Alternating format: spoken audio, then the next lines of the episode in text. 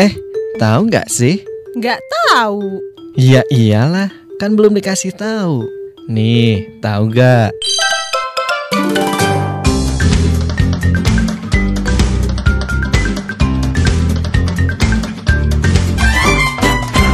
sebagai seorang pendata menghadapi berbagai karakteristik responden. Betul. Ada yang welcome, ada yang kooperatif, ada yang menolak, Hmm. ya, ada yang baru juga masuk eh, nggak dibukain pintu. Jadi mentalnya harus mental baja gitu kan dan komunikasi dengan masyarakatnya harus bagus. Nah, ini yang kita perlu. Betul, karena memang nggak semua masyarakat tahu ya tujuannya tuh Iya. untuk apa. Ada beberapa masyarakat juga ngapain nih Betul. hal pribadi Betul. gitu. Padahal tanya-tanya kan detail tadi kan Hmm. tanya umur, terus juga jenis kelamin, pekerjaan gitu kan, kematian, kelahiran. Kadang dalam sebuah survei juga pendapatan gitu kan, pengeluaran konsumsi, detail seperti itu. Hmm. Ya. ya artinya bahwa eh, yang jelas mereka dibekali dengan tanda pengenal, surat Hmm. tugas gitu kan. Dan sebelum mereka diterjunkan ke lapangan kita juga berikan pelatihan Hmm. pelatihan eh, tujuan dari survei, tujuan dari sensus, ya ini yang harus dipahamkan masyarakat dan Ya, salah satunya betul. juga ini nih penyebaran informasi melalui media sosial ini melalui eh, apa kabar Bekasi ini juga salah satu upaya kita. Jadi eh, mohon kepada masyarakat eh, yang kedatangan petugas sensus ya cirinya gampang lihat aja surat tugas surat tugas resmi dari Badan Pusat Statistik Kabupaten Bekasi ya.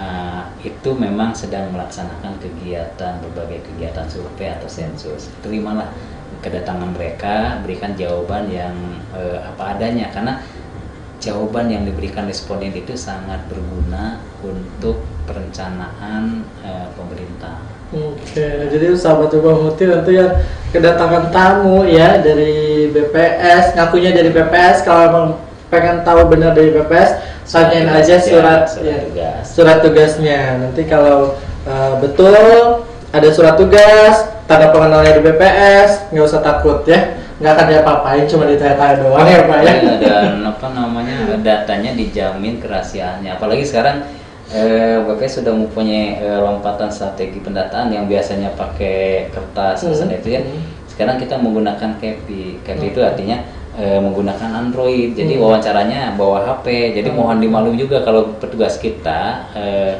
wawancara bapak ibu responden atau teman-teman responden itu sambil megang HP itu bukan bukan lagi Hmm. Bukan lagi main- main Mobile handphone ya.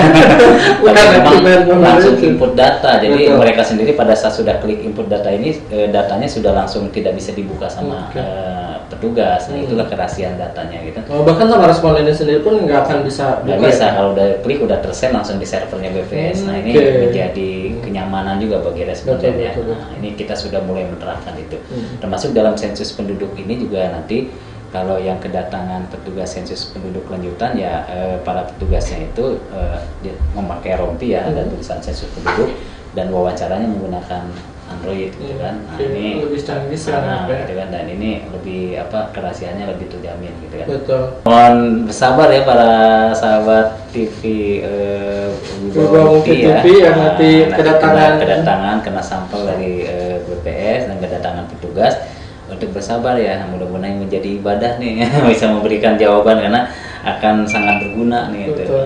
eh, data-datanya nanti kita olah. Dan jangan khawatir data individunya akan keep. Jadi tetap yang dimunculkan adalah data makronya. Gitu ya. data makronya tidak akan pernah kita mempublikasikan data individunya. Betul, data individu aman ya Pak ya. aman. Ini privasi datanya privasi. Weekend masih tetap eh, interview. Ya justru inilah eh, daya juang petugas itu mereka ya kadang-kadang bisa tembus ke responden itu di sore hari dan weekend. Betul sih Pak, karena memang rata-rata pekerja ya. di kerja kawasan jadi pada saat hari-hari kerja di pagi itu kadang-kadang rumah digembok gitu. jadi di sinilah daya juang itu. Makanya tadi saya sampaikan kalau yang mau daftar itu ya harus punya mental baja itu. Betul. Nah, karena kalau ditarget misalnya eh, 16 rumah tangga ya harus eh, semuanya respon. Apa pun cara harus dilakukan bagaimana bisa tembus ke sana dan bisa mendapatkan datanya. Hari ini nggak bisa, malam. besok datang Besok. lagi. kadang-kadang juga ada yang janjikan nanti saya baru pulang malam jam 8 jam 8 juga harus datang. Nah kalau petugasnya mentalnya kurang bagus gitu kan, nah di sinilah eh, bahayanya. Karena kita kalau ada non respon aja eh, beberapa ini sangat luar biasa sekali terhadap eh, kualitas data pengaruhnya.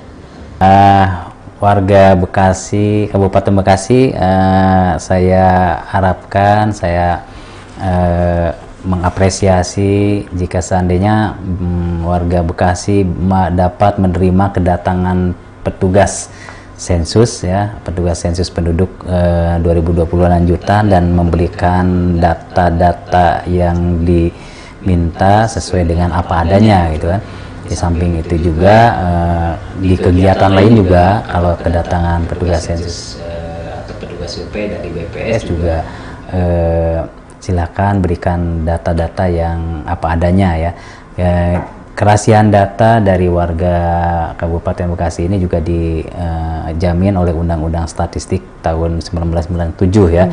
Artinya data yang disampaikan tidak akan terpublikasikan secara individu, tapi diolah menjadi sebuah indikator makro yang menggambarkan tingkat kesejahteraan masyarakat, tingkat eh, kemiskinan, tingkat eh, apa berbagai macam indikator lah ya yang diperlukan oleh pemerintah yang pada ujungnya juga berguna bagi kita semua, bagi kita sebagai warga contoh misalnya berapa diperlukan eh, ruang kelas belajar. Nah, itu kan dilihat dari komposisi penduduk umur eh, usia sekolah. Nah, apakah di Bekasi ini sudah mencukupi nggak ruang kelas tingkat SD, SMP, SMA gitu kan?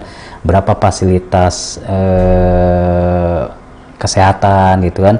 Satu puskesmas melayani sekian orang. Nah, itu juga dari jumlah penduduk gitu kan.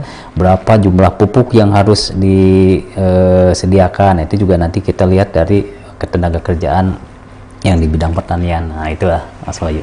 pada dasarnya itu akan jadi kebutuhan untuk kita sendiri ya. Pak ya? Informasi data itu akan menjadi kebutuhan eh, bagi diri kita Ya, sendiri. betul. jadi untuk warga Kabupaten Bekasi yang nantinya eh, kedatangan responden dari BPS nggak usah khawatir kalian tinggal jawab pertanyaan yang ditanyakan.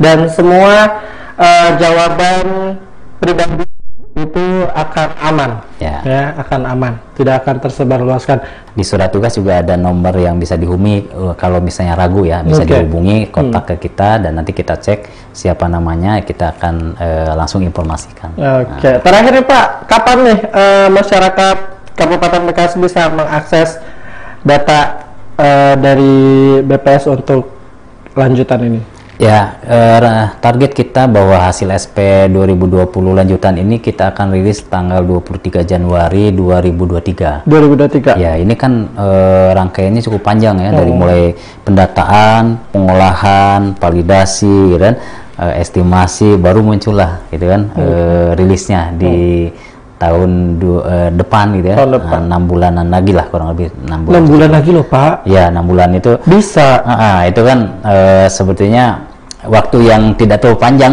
Untuk Iya, Ah. dapat. Enam- cepet lah Pak 6 bulan. cepat enam bulan. Makanya dalam pendataan ini memang sangat diperlukan waktu yang cukup eh, lama ya. Nah, tapi kita sudah segerakan karena juga ditunggu oleh berbagai pihak ter- ter- terutama juga Bapak Presiden kita juga menanti hasil SP 2020 ini